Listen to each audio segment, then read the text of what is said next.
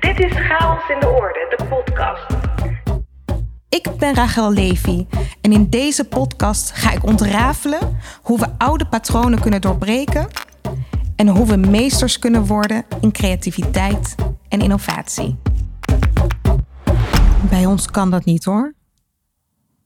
Ik krijg geen ruimte. Ja, ik zie echt niet hoe ik in mijn functie creatiever kan zijn.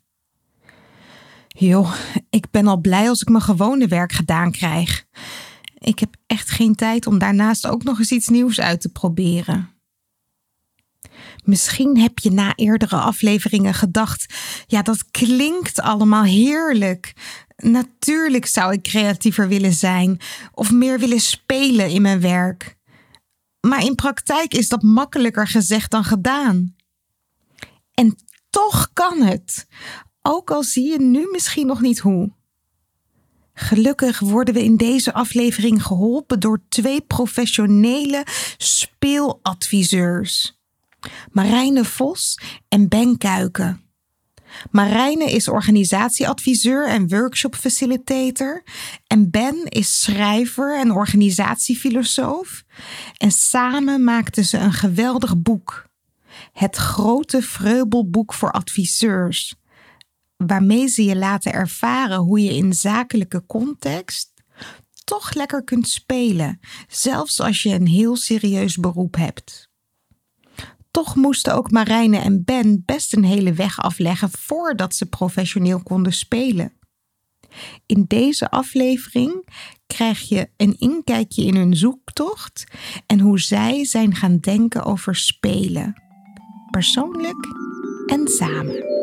Chaos in de orde. De zoektocht. Nu houden Ben en Marijne zich samen bezig met speelsheid in organisaties. Maar er was een tijd voor hun zakelijke ontmoeting waarin daar nog geen sprake van was. Ze zijn, zou je kunnen zeggen, door schade en schande wijs geworden. Ben vertelt. Op de achtergrond hoor je de kinderen van een buurtschool spelen. Hoe toepasselijk. Ik heb filosofie gestudeerd en vervolgens kwam ik op de arbeidsmarkt jaren, eind jaren tachtig.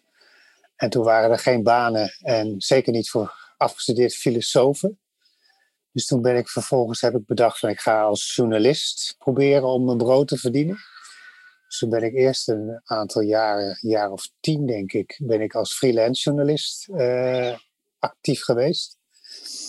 En toen ben ik in, na tien jaar of zo, toen ben ik op een gegeven moment in dienst gekomen van, het, van VNU, het tijdschrift Management Team. Uh, nou ja, dat gaat dus over organisaties en over het, uh, het managen van, van organisaties, zou ik maar even zeggen.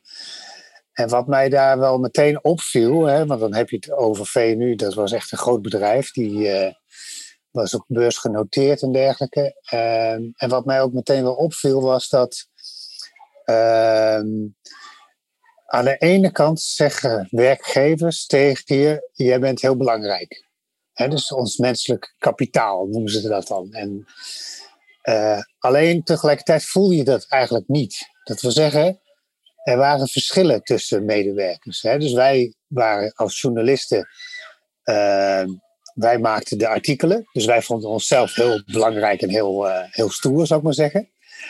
Maar uiteindelijk in de pikorde binnen zo'n bedrijf waren uiteindelijk de advertentieverkopers die waren veel belangrijker natuurlijk, want die brachten het geld binnen.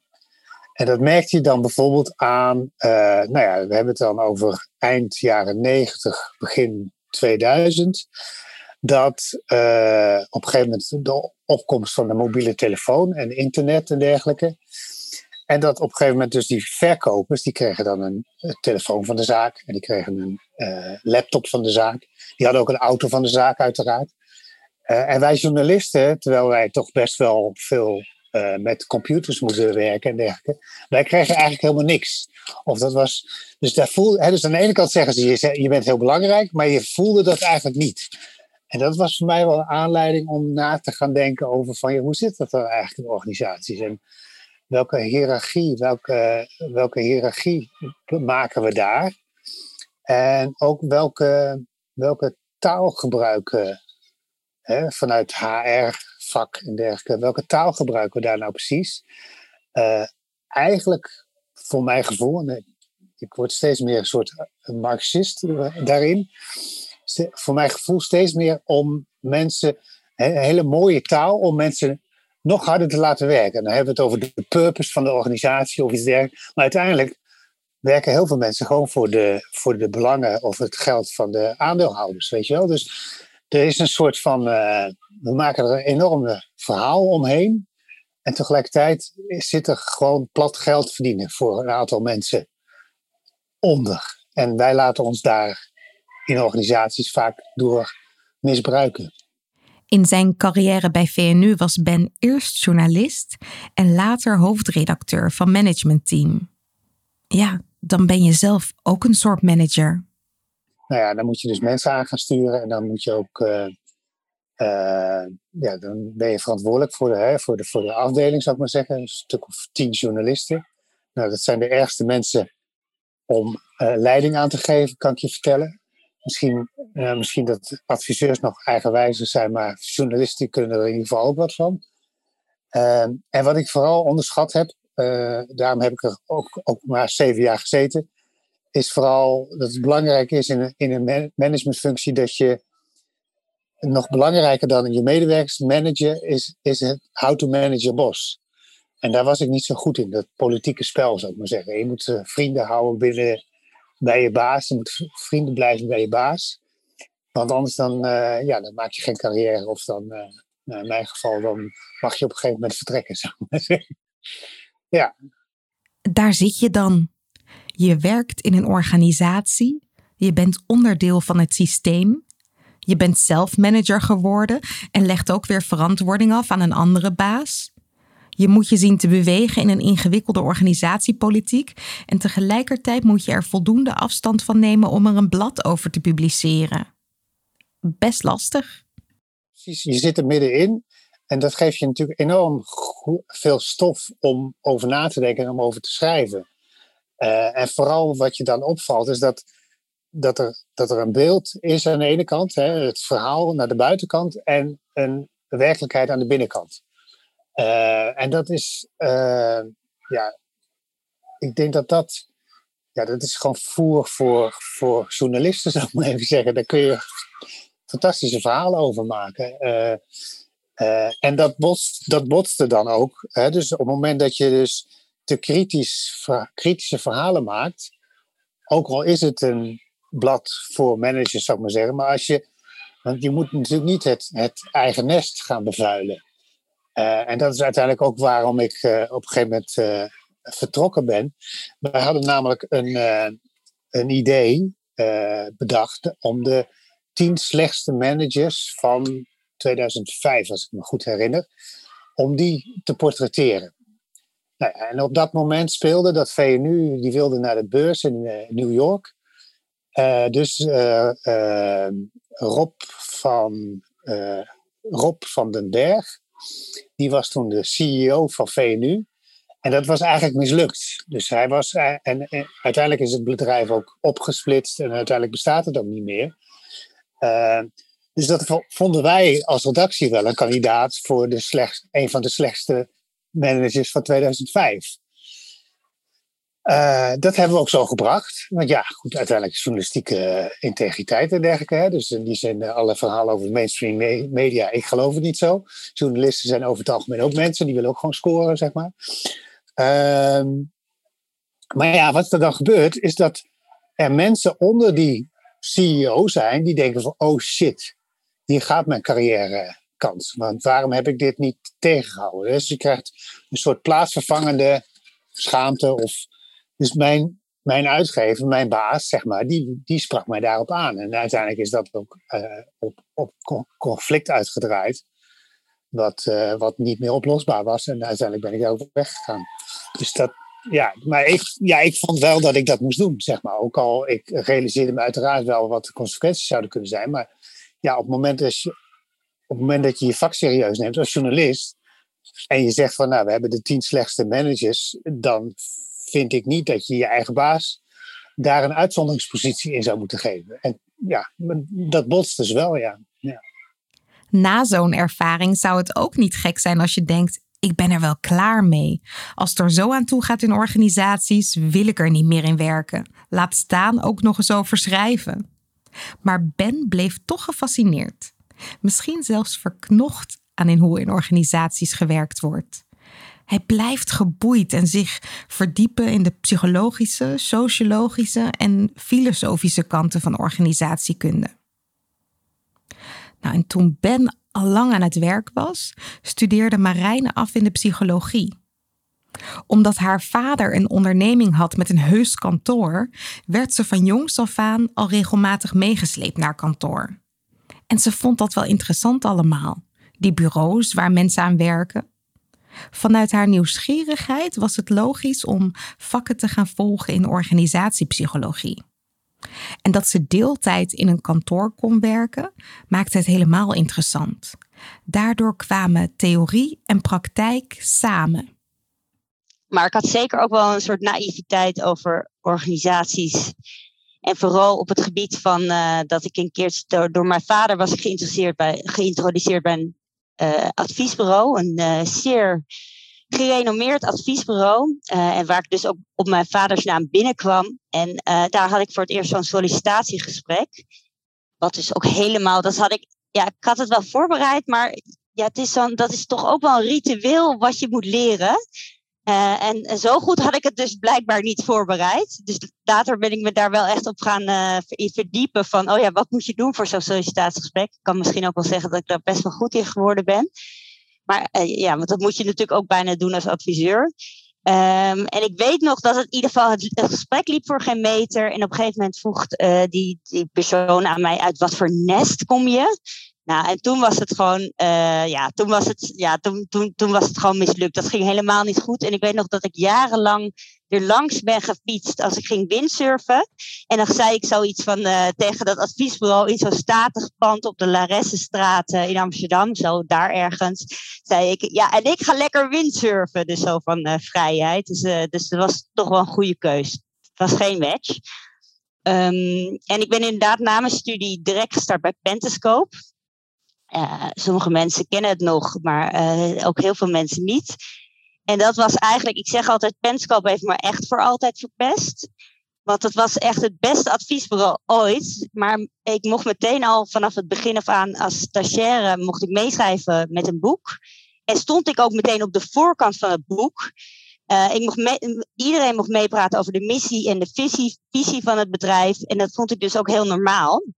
Uh, en daarna heb ik ook nooit, daarna heb ik nooit meer in een hiërarchische organisatie eigenlijk kunnen werken. Want ik was gewoon zo gewend dat, terwijl ik net uit de studie kwam, dat ze het eigenlijk omdraaiden. Van jeetje, wat heb jou te vertellen? En ik werd echt als een soort, ik mocht aandragen wie in het boek kwam. En ze vonden het allemaal leuk, mijn ideeën. En ik mocht alles doen. Um, en toevallig heb ik van de week ook uh, een gastles gegeven op een, uh, bij de HVA. En toen uh, voor een minor trainde trainer, studenten.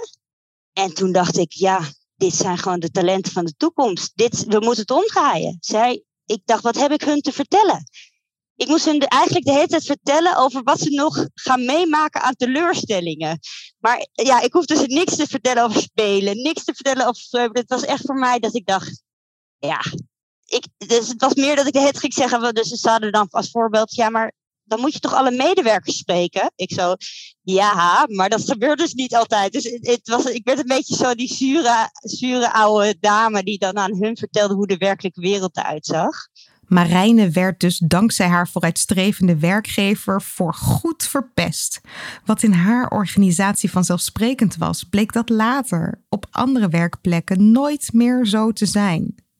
Zo werkte Marijne in haar continue streven de perfecte adviseur te zijn voor een gerenommeerd adviesbureau.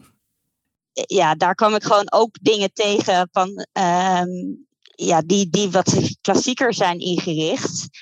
Um, terwijl ik nog misschien nog wel heel erg ja, bureaucratisch was het ook niet. Dus in die zin, uh, um, maar waar ik wel heel veel last van had, is dat ik zelf ook me enorm aanpaste aan het systeem meteen.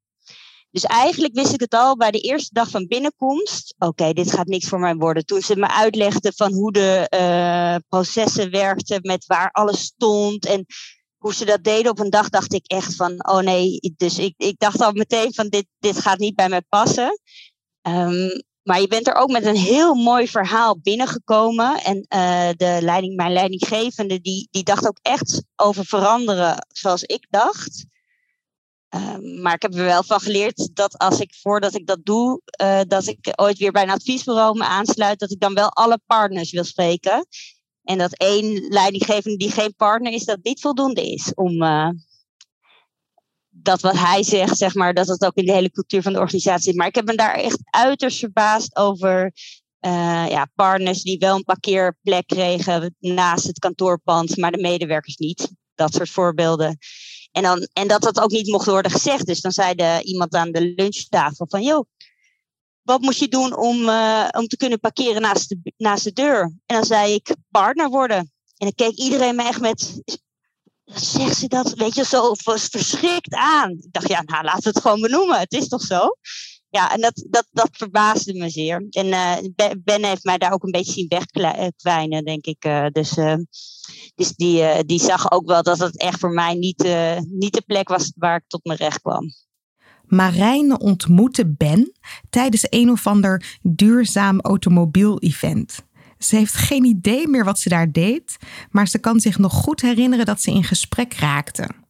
Ben had net zijn boek De Laatste Manager uitgebracht. Precies, en toen gingen we gewoon heel veel biertjes drinken. En dat toen, en tot, dat zijn we eigenlijk altijd blijven doen. Dus ik weet nog ook dat we hier uh, in Amsterdam op terras uh, zaten.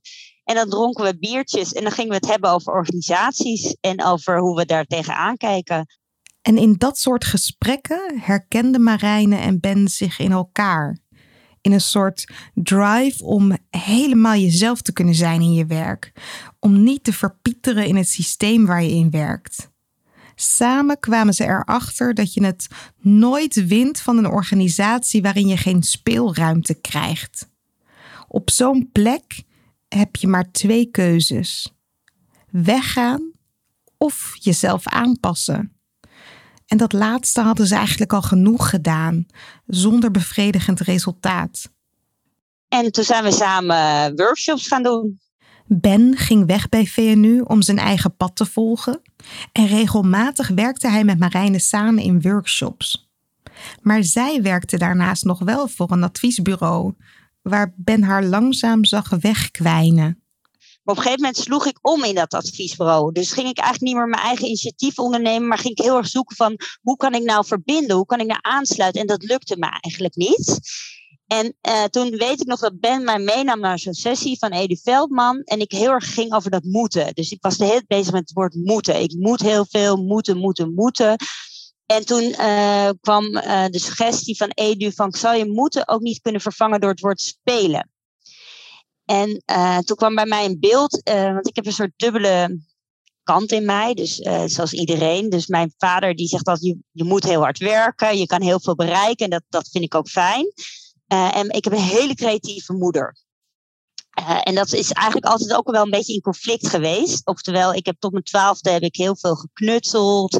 Was er heel veel ruimte voor. En dat sloeg opeens om toen ik in de, naar de middelbare school ging. En toen kwam opeens mijn vader huiswerk doen. En toen weet ik ook niet waar die creativiteit eigenlijk is gebleven. Die is voor mij in mijn netvlies echt verdwenen, onbewust. Um, en toen zei op een gegeven moment Edu van zou je dat woord niet kunnen vervangen, dat moeten, wat dus een beetje in mijn vaders dynamiek zat, door spelen. En toen kreeg, ging ik opeens inzien dat wat mijn vader altijd met ons deed, dat, dat het het meest uit je halen, als je dat eh, vervangt door het woord niet van moeten, dat je dat moet doen, maar op een speelse manier, zoals een, uh, een hond ook uh, zijn puppy, zeg maar, best wel even hard aanpakt, maar dat is ook spelen, dat het eigenlijk wel veel leuker is. En daar kwam voor mij een soort ruimte van, oh ja, wacht even hoor, als ik dat dan zo ga zien, hè, dus niet van, oh ja, uh, het is streven en altijd je best doen, maar het is gewoon spelen. Daar kwam een enorme vrijheid, zeg maar, uh, in voort. Ben confronteerde Marijne als het ware met haar aanpasgedrag. En dankzij die sessie waar hij haar mee naartoe sleepte, kwam voor het eerst sinds lange tijd het woord spelen weer in haar bewustzijn. Dat was het begin van een ontdekkingstocht die ze samen zouden maken. Ze bundelden hun unieke talenten. Ben is onderzoekend, schrijver van een reeks boeken, journalist. Marijne is creatief, een doener en ze heeft hele goede ideeën over hoe je je werk op een speelse, creatieve manier aanpakt. En toen besloten ze dus om samen een boek te maken. En dat moest dan wel een boek zijn dat en inhoudelijk was, prikkelend, maar vooral ook speels. Het werd het grote vreubelboek voor adviseurs. Een echte co-creatie. We hadden ook heel veel gesprekken over dat altijd alles moet verbeteren, veranderen, sneller, et cetera. En wij, ik, ik zocht ook een hele lange tijd, ja, maar wat zijn nou methodieken van zijn? Wat zijn nou methodieken dat je het gewoon mag laten? Dus dat is spelen voor mij, maar bijvoorbeeld ook mijmeren en uh, uh, verdwalen. Uh, en zo zijn we eigenlijk, dat, dat, dat, daar hadden we een gesprek over. En toen kwamen we op het woord het grote Vreubelboek voor adviseurs. En wat Ben zegt, was gewoon, mensen zeggen wel eens, jeetje, heb je een boek geschreven, wat hard werken. En dan zeg ik, nou, het was echt, het was, het, het was superleuk. Ik mis het ook. We schreven elke dag een stukje. En dan stuurden we het naar Ben en dan ha, ha, ha, dan maakte Ben er weer wat anders van. Nou, en toen Hein, uh, hein van Putten, zeg maar, erbij, die we heel vroeg bij betrokken. Toen werd het helemaal groot feest. Toen kwamen er echt dingen dat je dacht, jezus, dit is echt geweldig, dit is fantastisch. Dit is, hoe heeft hij dit nou weer verzonnen? Um, ja, het was een van de leukste dingen die ik eigenlijk heb gedaan. Op het moment dat organiseren en creëren samenkwamen, in de gesprekken die Ben en Marijne hadden over het Vreubelboek, ontstond er iets dat meer is dan 1 plus 1. De wereld ging er voor hen steeds meer uitzien als een magisch speelveld. Nou ja, de, de magie is eigenlijk dat je. De, het, er ontstaat inderdaad een soort magie. En dat is eigenlijk dat je op een gegeven moment niet meer op een normale manier naar de werkelijkheid kunt kijken. Wat zijn die mensen toch allemaal aan het doen daar in die organisaties? Wat, wat maken ze zich nou zo druk over? nu, nu gaat het over het hybride werken. Ik bedoel, een jaar geleden wisten we nog niet eens wat het was, bij wijze van spreken. Maar we waren heel flexibel, want we gingen van de ene dag op de andere dag moesten we thuiswerken. Nou, dat was best even een omschakeling. Maar dat, dat konden we gewoon, weet je wel. En nu, nu moeten, we, moeten we weer terug. Hè? Dus dat, zit, dat moet ook heel erg in. En dan gaan mensen ook weer allerlei drukte omheen maken. En denken van shit, hoe moet dat nou? En, en dan hebben we inderdaad een functionaris, de adviseur of HR, die moet dan bedenken wat, wat mensen moeten. En hoe, hoeveel dagen ze naar kantoor moeten. En, en of ze wel de goede spullen krijgen. En of ze wel we maken het allemaal zo ingewikkeld. En eigenlijk door eh, vanuit het spelen te kijken, of vanuit het vreubelen, hè, dus voor ons is een beetje. Uh, dus, er zit wel een nuanceverschil in, maar uh, een beetje hetzelfde. dan denk je van ja, maar eigenlijk is het hele leven gewoon één grote speeltuin. En als je er zo naar kijkt, dan ontstaat er magie. En dan ben je gewoon lekker aan het, aan het spelen. Het is uiteindelijk gewoon levenstijd waar je mee bezig bent. Snap je? Dus ook als je werkt, ja, maar waarom moeten we dat werk zo serieus allemaal maken en zo belangrijk? Het is, het is wel belangrijk soms, de, sommige dingen die je doet. En tegelijkertijd kun je het ook op een leuke manier doen, zeg maar, zoiets. En ja, ik zie niet alleen, nou ja, ik zag Marijne natuurlijk een beetje verpieteren daar bij het bureau. Maar ik zie heel veel mensen verpieteren. En dat is zo, zo jammer. Dat mensen dat ook, dat, dat mensen zich dat laten aandoen. Weet je wel? Dus dat ze niet voor zichzelf op een gegeven moment opkomen en zeggen van ja, nu is het genoeg geweest. Ik ga gewoon, uh, ik ga gewoon lekker spelen. Wat is dat toch? Dat we het onszelf laten aandoen, dat we wegkwijnen of verpieteren. En is dan inderdaad de enige keuze aanpassen of weggaan? Of is er nog een andere keuze? Namelijk opnieuw uitvinden hoe samenwerken werkt en hoe je in je werk kunt spelen mijn helden zie ik steeds meer de mensen die in het systeem dit kunnen doen. Uh, dat zijn echt mijn helden. Um, ik zeg wel eens van, daar kijk ik, ik vind dat echt heel knap. En we zien er steeds meer. Uh, misschien komt dat ook wel doordat je zo'n boek schrijft. En we hebben ze ook al gezien bij Nieuw Organiseren.nu. Dat zijn eigenlijk dan net de andersdenkenden. En die komen eigenlijk met de vraag van, ja, maar uh, hoe kan ik nou ervoor zorgen dat er meer mensen dit gaan doen. En die zoeken dan medestand. En dat zoeken ze altijd eerst door inspiratie van buiten te halen. Dat snap ik ook wel, want daar kom je dan je energie, dus je voeding neem je dan mee. Uh, en wat wij vaak ook zeiden uh, bij Nieuw Organiseren.nu, maar wat het er laatst ook over hebben, van als je dat dan eigenlijk doet, gaat het er eigenlijk over dat je dan ook medestanders gaat zoeken in de organisatie. En daar komt misschien ook wel dat magische, maar wij zeiden vaak van doe dat dan ook stiekem. Dus uh, Sandra van Koolschoten zegt ook maak er dan een clubje en hou hem dan ook geheim. Dat is belangrijk van het clubje, dat die geheim is. En dat moet je ook eventjes dus underground, dus dat moet je ook even zo laten. Uh, voordat je dus uh, dat, dat, dat eigenlijk in dat systeem weer terechtkomt. Je speelruimte vergroten begint zonder toestemming. Gewoon bij jouzelf. Je kan je werk gewoon leuker maken. Ik, ken, ik kom steeds meer achter veel voorbeelden hoe je nou gewoon saaie dingen ook voor mezelf gewoon heel speels kan maken. Uh, de, de, ik vind eigenlijk de, meest simpele stap om het samen te gaan doen. Dat vind ik is een hele simpele stap. Maar ik ken ook iemand die uh, van Natulus de sport heeft gemaakt om te zorgen dat mensen het lezen. Door gedichten ervan te maken of woorden erin te verstoppen. Nou, gewoon zo simpel iets. Als je je werk niet bekijkt als iets dat moet of altijd maar serieus is, maar jezelf ziet als deelnemer aan een spel, dan zie je vanzelf meer mogelijkheden. Neem een spelletje als Monopoly. Hè? Dus dat is leuk om te spelen. En uh, nou ja, dan wil je ook een beetje winnen. Er zijn spelregels bij. Uh, maar het is gewoon vooral leuk om te doen met elkaar. Dat is de belangrijke voorwaarde voor spel, eh, dat, dat het leuk is. Uh, als je nou eens op die manier naar de organisatie zou kunnen kijken, als je dat op die manier, dan blijkt opeens dat er, dat er heel veel dingen gebeuren waarvan je denkt van hé, hey, dat lijkt wel heel erg op uh, de Kalverstraat. Hè, snap je? Dat, lijkt heel veel, dat heeft heel veel spelelementen in zich. Uh, en dat schept ook ruimte, want ja, een spel, dat, dat klinkt allemaal niet zo serieus. Weet je, dus dat, dat, is met name dat je ook jezelf gunt om het allemaal niet, niet te zwaar te nemen, niet te serieus te nemen.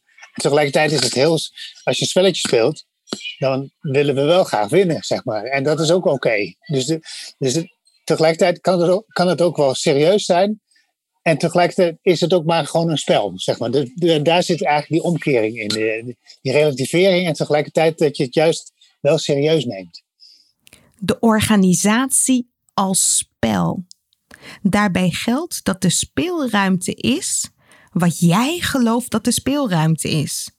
Dus de een gelooft dat er amper speelruimte is en dan is hij er ook niet. En de ander gelooft dat er altijd meer mogelijk is. En dan is er ook meer mogelijk. Speelruimte zit in je hoofd. dus uiteindelijk is de, de, de, de, speelruimte zo groot als je hem zelf wil, wil, wil laten zijn. En die met collega's uiteraard. Je moet wel altijd voortdurend afstemmen met anderen natuurlijk. Uh, dus daar zit wel een soort uh, sociale comp component in. maar in principe, ja, die, er zijn geen grenzen aan de speelruimte althans geen fysieke grenzen. De organisatie heeft ook geen fysieke, ja, je kunt het, gebouw, het gebouw, maar dat is niet de organisatie. De organisatie heeft ook geen fysieke grenzen in principe. Hè. Dus een externe die twee dagen in de week voor de organisatie werkt, is dat nou een externe of is het een interne? Weet je, ik bedoel, ja, het is maar net hoe je, net, hoe je er tegenaan kijkt, zeg maar. uiteindelijk creëren we dat allemaal zelf. De, zoals uh, Mathieu Weggeman uh, dat zegt, de, de, de werkelijkheid is niet, maar uh, wordt gevormd door de manier waarop we er tegenaan kijken. Dus, en problemen zijn ook niet, maar die ontstaan door de manier waarop we naar die werkelijkheid kijken. En je kunt op heel veel verschillende manieren naar, naar dingen kijken, waardoor sommige problemen gewoon verdwijnen als sneeuw voor de zon. Dat er meer speelruimte is dan je denkt, betekent niet dat het overal nodig is om meer te spelen. Ik denk ten eerste, uh, kijk, het hoeft niet. Hè? Als je er oké bij bent dat je gewoon weinig speelruimte hebt in je werk, dan is dat ook oké. En sterker nog, als je bijvoorbeeld uh, bij, nou, noem even wat, uh, een bank werkt, of bij een gemeente, dan wil je eigenlijk niet dat mensen heel creatief zijn, bij wijze van spreken. Heel veel speelruimte voor zichzelf creëren. Want die, eh, bijvoorbeeld de bij een gemeente, iedereen is voor de wet gelijk. Dus je wil wel dat iedereen ook gelijk behandeld wordt. Of gelijkwaardig in ieder geval. Snap je? Dus je wil niet dat ambtenaren voor zichzelf gaan bedenken van, oh, dit is ook wel leuk om, om of ik vind deze meneer, deze meneer zo aardig, die ga ik eens extra helpen of zo. Weet je, bedoel, dus in die zin, een, een goede bureaucratie is ook, is ook oké. Maar als je binnen die goede bureaucratie toch wat meer zou willen spelen, kan het waarschijnlijk wel.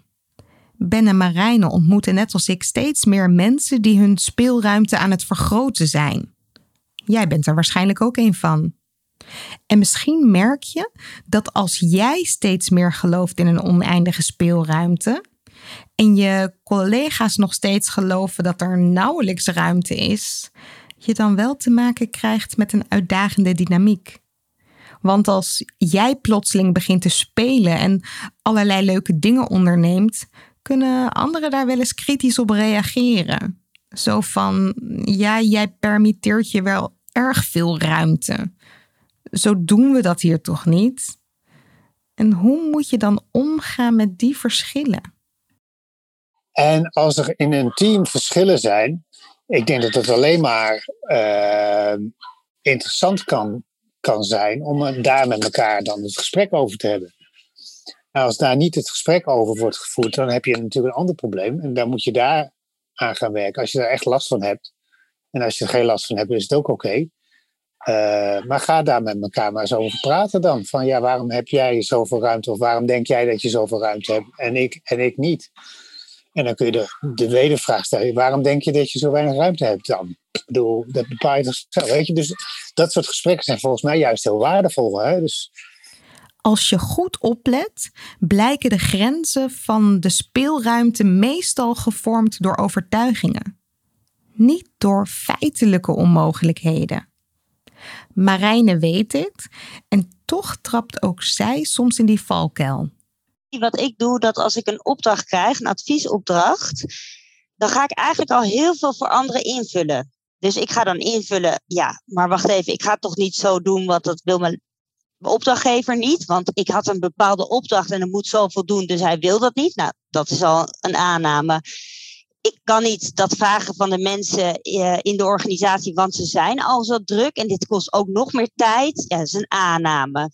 En dan komt de aanname over mezelf. Oh jee, ik vind het eigenlijk toch wel heel erg spannend als ik het zo doe. Want wat als ik dan de opdracht niet krijg? Nou ja, dan, dan uh, ja, weet je wel, ik wil ook mijn geld verdienen. Maar ook van, oh ja, wat zouden ze dan van mij vinden? Nemen ze me wel serieus? Is een aanname. En ik denk dat we dus eigenlijk nog voordat we iets proberen of doen, dat we eigenlijk al onszelf zo vastzetten in ons hoofd over dat we dat ja, met al dit soort aspecten. Um, en, uh, en, dat, en dat we dat dus, als er dus dat wel iemand doet, en dan uh, um, dat we dat dus ook doen bij een ander. Overtuigingen zijn hardnekkig en houden ons onbewust heel vaak tegen om iets nieuws te proberen. En de andere factor die ons tegenhoudt is tijd. Want als je iets nieuws gaat proberen of je wil je werk in een creatief jasje gieten, ja, dan gaat het gewoon meer tijd kosten. Het wordt dus wel leuker, maar niet altijd makkelijker. Ja, als makkelijk je streven is, kun je beter op de automatische piloot blijven werken. Samenwerken, zeker op een creatieve manier, is een spel, kun je zien als spel, maar het is ook een moeilijk spel. Ben vindt het een illusie om te denken dat het alleen maar makkelijk en, en leuk kan zijn. In die zin, kijk, samenwerken is gewoon moeilijk, is gewoon lastig. Eh, samenwerken met andere mensen, dat betekent dat je een deel van je eigen ideeën eh, opzij moet zetten, want andere mensen kunnen ook goede ideeën hebben. Ehm, je moet, je moet uh, accepteren van andere mensen dat ze soms, dat ze soms ook anders uh, zijn en anders reageren op dingen. Dus samenwerken is gewoon, is gewoon ook moeilijk soms. Uh, en tegelijkertijd ook leuk. Het is, ook, het, het, is, het is een moeilijk spel, zullen we maar zeggen. Dus, uh, en ik heb wel eens het idee dat we daar steeds meer moeite mee hebben om dat te accepteren. Dat samenwerken ook gewoon best ingewikkeld kan zijn soms. En, en dat het ook oké is. Dat we daar. Want uiteindelijk, hè, door vrij, zonder wrijving geen glans. Ik, daar geloof ik echt in als je een beetje wrijft met elkaar, dan, dan ontstaat er echt iets, iets bijzonders, kan er, kan er ontstaan. je hebt geen garantie, maar ja, je, moet wel door die, door die moeite heen. En eh, ja, accepteren dat het, niet altijd, dat het niet altijd vanzelf gaat, volgens mij. Het is en blijft dus een moeilijk spel. Maar zeg nou zelf, een makkelijk spelletje, daar is toch geen bal aan? Dus begin toch maar wat nieuwe dingen uit te proberen. En het liefst samen met anderen. Dan heb je direct een uitdaging. En die uitdaging maakt het spel dus interessant. Het geeft je de kans om dingen te leren. Soms moet je terug naar af of zit je even in de put. Maar als je daar voorbij komt, geeft het een enorme kick. Meer dan alleen op de automatische piloot werken. Ga dat moeilijke spel maar aan. Ik, moet denken aan twee voorbeelden die ik laatst had over spelen. Die ik dacht, oh ja, dat is zo. Uh, uh, daar leer ik dan altijd van. Dat ik denk, ja, volgens mij kan je, kan je dit ook heel goed doen in een organisatie. Maar mijn, mijn dochter zat op de fiets naar school, had absoluut geen zin. En toen uh, zei ze, oh ja, de helpende hand is ook al de helpende hand wil iedereen worden. Die helpt de juf. De helpende hand is al gekozen, we zijn te laat. Zei ik, nee, we zijn nog niet te laat. En toen zei ze, oh ja, ja, oké. Nou ja, de helpende hand. Ja, ja, oh ja, ik denk dat uh, ik misschien wel de helpende hand kan worden. En toen zei ze zin later, zei ze, ik denk dat ik wel de helpende hand ben. Ik ben de helpende hand vandaag. Ja, dat klopt. Ik ben de helpende hand. En toen rende ze zo het schoolgebouw in. Ik kon nog net zeggen, doei, doe liever, veel plezier. Want zij was de helpende hand vandaag. En ik denk dat daar een mooie voorbeeld zit van dus dus, dus, dus hoe kan je je fantasie aanzetten? Dus hoe kan je dingen speelser maken? Maar ook hoe kan je nou eigenlijk ervan uitgaan dat iets is. Hè? En Ben zei al, ja, dan moet je als moeder op je handen gaan zitten om niet te zeggen, nou ja, weet je, die het, is random, wordt gekozen, de kans is niet zo groot.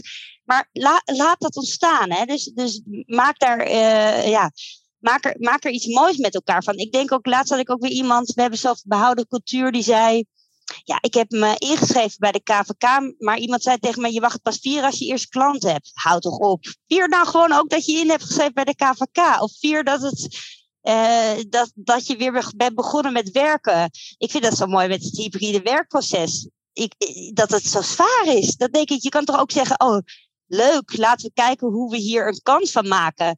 Uh, hoe kan je de helpende hand zijn in het hybride werken? Ja, nou ja, zo.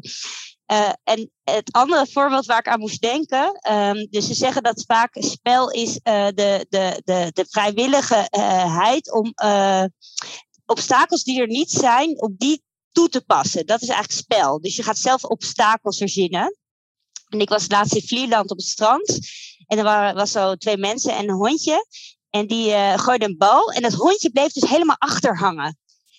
want dan moest je natuurlijk veel langer rennen om die bal te, te, halen. En toen dacht ik, ja, en dat is ook waar wij volgens mij best wel uh, weinig over nadenken. Van ja, oh, hoe kan ik het nou voor mezelf uitdagender maken? Dus hoe kan je nou uh, obstakels, dat zijn twee speelelementen die je volgens mij heel makkelijk praktisch ook in jouw eigen werk kan toepassen. Dus hoe kan je nou zorgen dat je dus wat, wat, ja, wat, wat, wat, wat ja, uitdagingen op je pad legt die je niet ziet als, oh ja, als dat mislukt, dan heb ik het fout gedaan. Maar, oh ja, nou ja, blijkbaar heb ik heel goed gespeeld, want nou, dat ging dus even niet goed. Je verbeeldingskracht aanwenden, jezelf een bepaalde rol aanmeten, obstakels creëren om jezelf en elkaar uit te dagen. Dat zijn de dingen waarmee je in een organisatie speelser kunt zijn.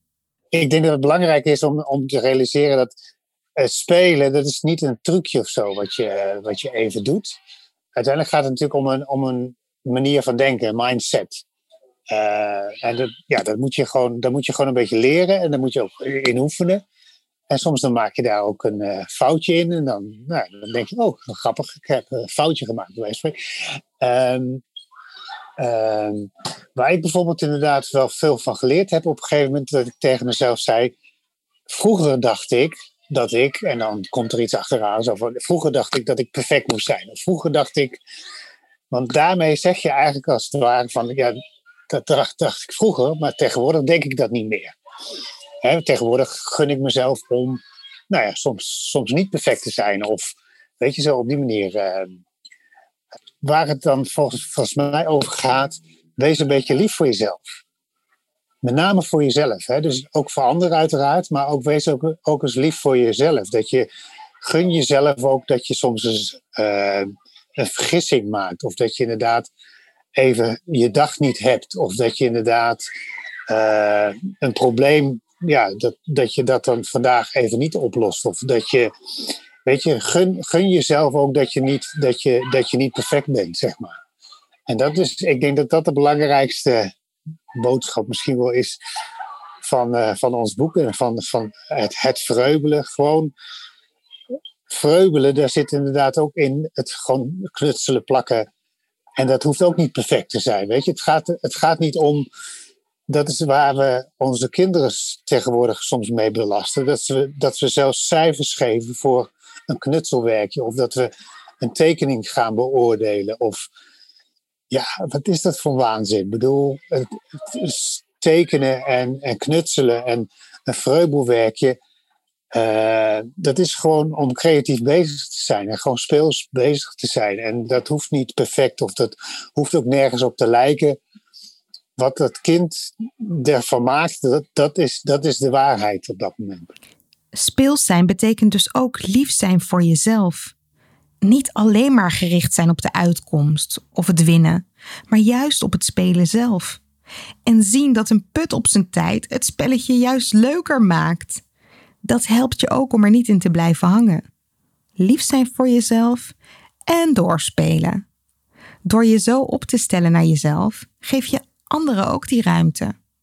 Als je uh, vreubelt, of als het niet perfect is, dan geef je anderen de kans om mee te doen.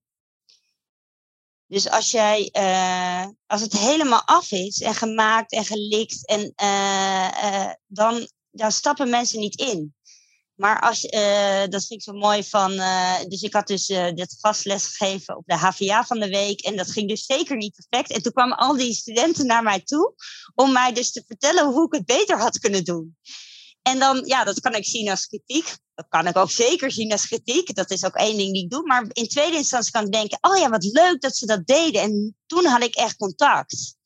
Dus ik zit ook steeds meer na te denken, oh ja, hoe kan je nou als je het speels doet en niet ziet als het moet helemaal af zijn, ja, dan stappen mensen wel in om, je ja, om, om mee te doen. Ik zeg vaak tegen mezelf, alles is een kladversie. Dat helpt. Je hoeft niet te blokkeren omdat het nog niet perfect voelt. En je weet dat je er altijd weer aan mag rommelen of vreubelen ja, helaas richten we veel processen zo in dat die ruimte voor onafheid er haast niet is. En dat begint al bij kinderen. Het meeste speelgoed in de speelgoedwinkel is gewoon te af. En uh, wat je ziet, wat hij ziet, ook gewoon kinderen die spelen veel liever met, met stukken karton en met, uh, weet je, allemaal, allemaal dingen die gewoon niet af zijn. Geen, geen Barbie en Ken, uh, maar gewoon, gewoon een stuk, een stuk stuk plastic bij wijze van spreken. Weet je, dus op die manier. En dan maken ze wat van een bouwen een hut of weet ik veel wat. Daar, daar wak je de creativiteit mee aan. Als we te veel invullen, beperken we de creatieve denkruimte van de ander. Dus ook al wordt in organisaties vaak gevraagd om een heldere visie en duidelijke kaders, je kunt je afvragen of je die ook altijd moet geven ik denk dat, je, dat we te veel aanharken. En dat is ook bijvoorbeeld bij spel heel erg interessant. Dus ze hadden een spel en daar hadden ze zoveel instructies over het spel gegeven. dat niemand het ging, ging, ging, doen. Uh, volgens mij was het arcade. En, maar de flipperkast die ernaast zat, daar begon iedereen aan. En ik denk dat we, uh, dat we eigenlijk onszelf uh, helemaal uh, alles kapot uitleggen, instrueren. Terwijl je zou het eigenlijk andersom moeten doen. Dus als je nou te weinig instructies geeft en mensen beginnen met. Hé, hey, wacht even, ik snap het niet, hoe zit het dan? Dan stappen mensen al in. Dan zijn ze er al mee bezig.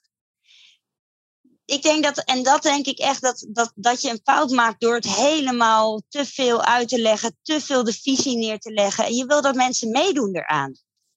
Een visie is om uh, dat mensen een eigen denkbeeld erop plakken. Niet omdat je uitlegt hoe mensen. Niemand verwoordt een visie op een feestje. Zoals het in de beleidsplan staat dat je het van A tot Z uit kan leggen. Iedereen heeft daar zijn eigen verhaal over. Dus je kan beter een soort uh, nou ja, inspirerende vijf lijnen hebben waar iedereen zijn eigen verhaal op mag plakken.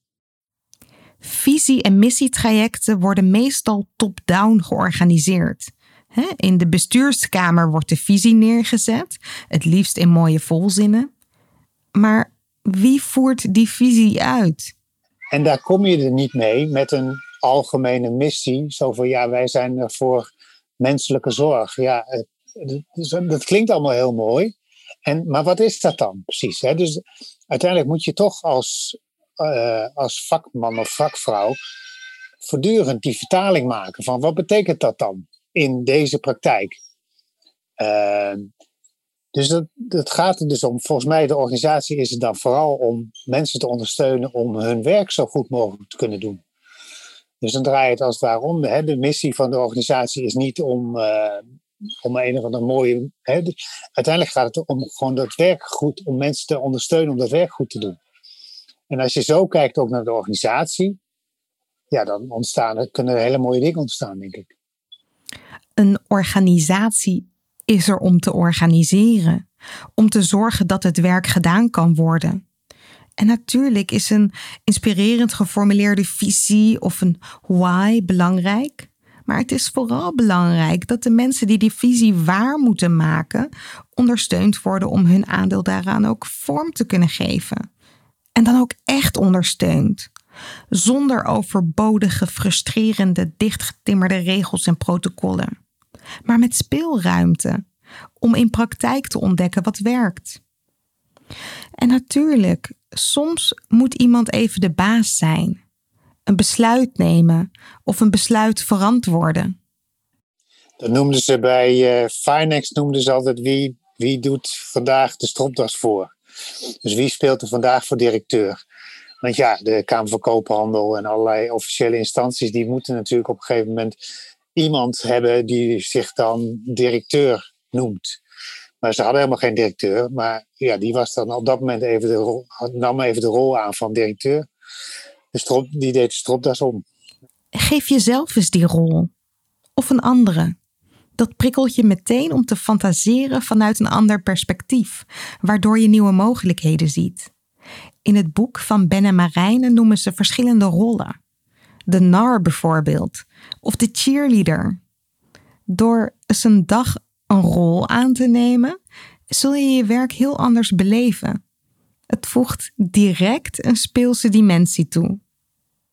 Minder moeten en meer spelen. En jezelf de tijd gunnen om daar over na te denken hoe je dan iets wat je eigenlijk toch moet doen, speelser kan maken. Dus gun het jezelf om daar uh, de ruimte over te maken. En ik denk, uh, dat is eigenlijk misschien wel de wijste les. Ik weet niet of anderen daar wat aan hebben, maar voor mezelf, daar heb ik zelf in ieder geval wat aan. Dus dat uh, gun ik mezelf en daarmee anderen ook. Chaos in de orde. De zoektocht. Het gesprek met Ben en Marijne vond misschien niet plaats in optimale audio-omstandigheden. Maar oh, wat was het leuk om even deelgenoot te zijn van de dynamiek tussen die twee. de denker en de doener die elkaar ontmoeten die elkaars verschillen hebben gezien als juist een enorme aanvulling en een soort eindeloze bron voor nieuwsgierigheid. En hoe dan uit de gesprekken tussen die twee een enorme speelruimte is ontstaan. En echt, het grote vreubelboek voor adviseurs is een pareltje geworden. Als je het vast hebt, wil je er direct induiken. En de illustraties van Hein van Putten zijn echt prachtig. Ze doen denken aan platen van oude circussen uit de tijd dat het nog rariteitenkabinetten waren. En om je te inspireren, licht ik er een heel klein stukje uit. Met de titel Hoe start ik mijn spelende ik weer op? Toen Carl Jong 37 jaar oud was, stelde hij zichzelf de vraag: wat deed ik het liefst toen ik als kleine jongen in mijn eentje aan het spelen was? Het antwoord was dat hij het liefst met blokken speelde en steden van blokken maakte. Vervolgens zei hij tegen zichzelf: Ik ben nu een volwassen man, dus nu ga ik met grote stenen spelen. Hij kocht een stuk land op een prachtige plek aan de andere kant van het meer bij Zurich, ontwierp een huis en begon op dit mooie plekje Asconas te bouwen. En terwijl hij met zijn handen werkte, activeerde hij zijn verbeelding. En toen zijn verbeelding weer geactiveerd was, ontdekte Jung dat er allerlei nieuwe fantasieën opborrelden, dromen en nieuwe ideeën. Hij ging aantekeningen maken van zijn dromen en borduurde hierop voort met vrije associaties. Als je meer wil spelen als adviseur of als mens, denk dan eens terug aan het spelletje dat je vroeger als kind graag speelde en waar je graag mee speelde. En je hoeft niet dit spel weer te gaan spelen, maar denk eens na over wat de volwassen versie van dit spel voor jou zou kunnen zijn. En hoe je dit kan toepassen in je dagelijks werk. als je graag dingen verzamelde, welke verzameling kun je aanleggen in je werkcontext?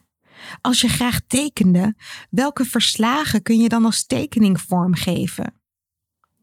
Vaak denk je dat als je meer wil spelen, je dit in je vrije tijd zou moeten doen en dat het geen onderdeel is van je werk. Maar als jij op zoek bent naar de collega die je nog even moet spreken, wordt het dan niet veel leuker als je dit kunt doen in de vorm van ja, verstoppertje of tikkertje of een ander leuk spelletje? Als je dit doet, neem dan waar en onderzoek wat er met je gebeurt. Jung noteerde elke dwaze impuls, elk beeld dat bij hem opkwam. Wat doet het met je als je rennend door het pand loopt, als je een tekening maakt of als je een verzameling aanlegt? Wat is spelen voor jou? En dit komt dus uit het grote Vreubelboek voor adviseurs. Gaat het bij jou na deze aflevering nou kriebelen en wil je het liefst zelf meedoen aan een interactieve speelsessie met Marijne en Ben? Nou, dan heb ik goed nieuws, want je ontmoet ze live op 12 november tijdens Chaos in de Orde, het werkfestival. In de fabriek in Utrecht vindt dan het wervelendste werkfestival van Nederland plaats. Speciaal voor organisatievernieuwers zoals jij.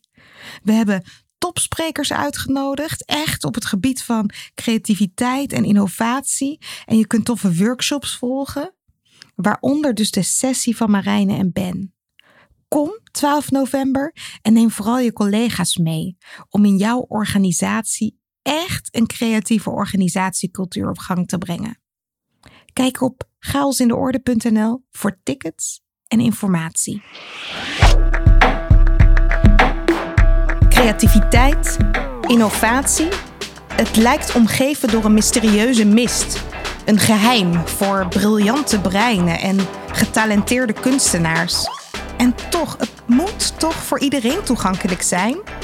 Aflevering voor aflevering graaf ik steeds een stukje dieper. Ben jij enthousiast? Abonneer je dan op deze podcast en laat een review achter in de app waarmee je luistert. Hoe meer reviews we ontvangen, hoe meer mensen deze podcast kunnen vinden. Zo zorgen we samen voor meer chaos in de orde. Wil jij zelf chaos in de orde brengen? Download dan gratis het e-book Chaos. 10 manieren om patronen te doorbreken. Je vindt het op chaosindeorde.nl/slash podcast. Deze podcast wordt je aangeboden door Huis van Verbeelding, het bedrijf voor zakelijke creativiteit. Tot de volgende keer en veel chaos!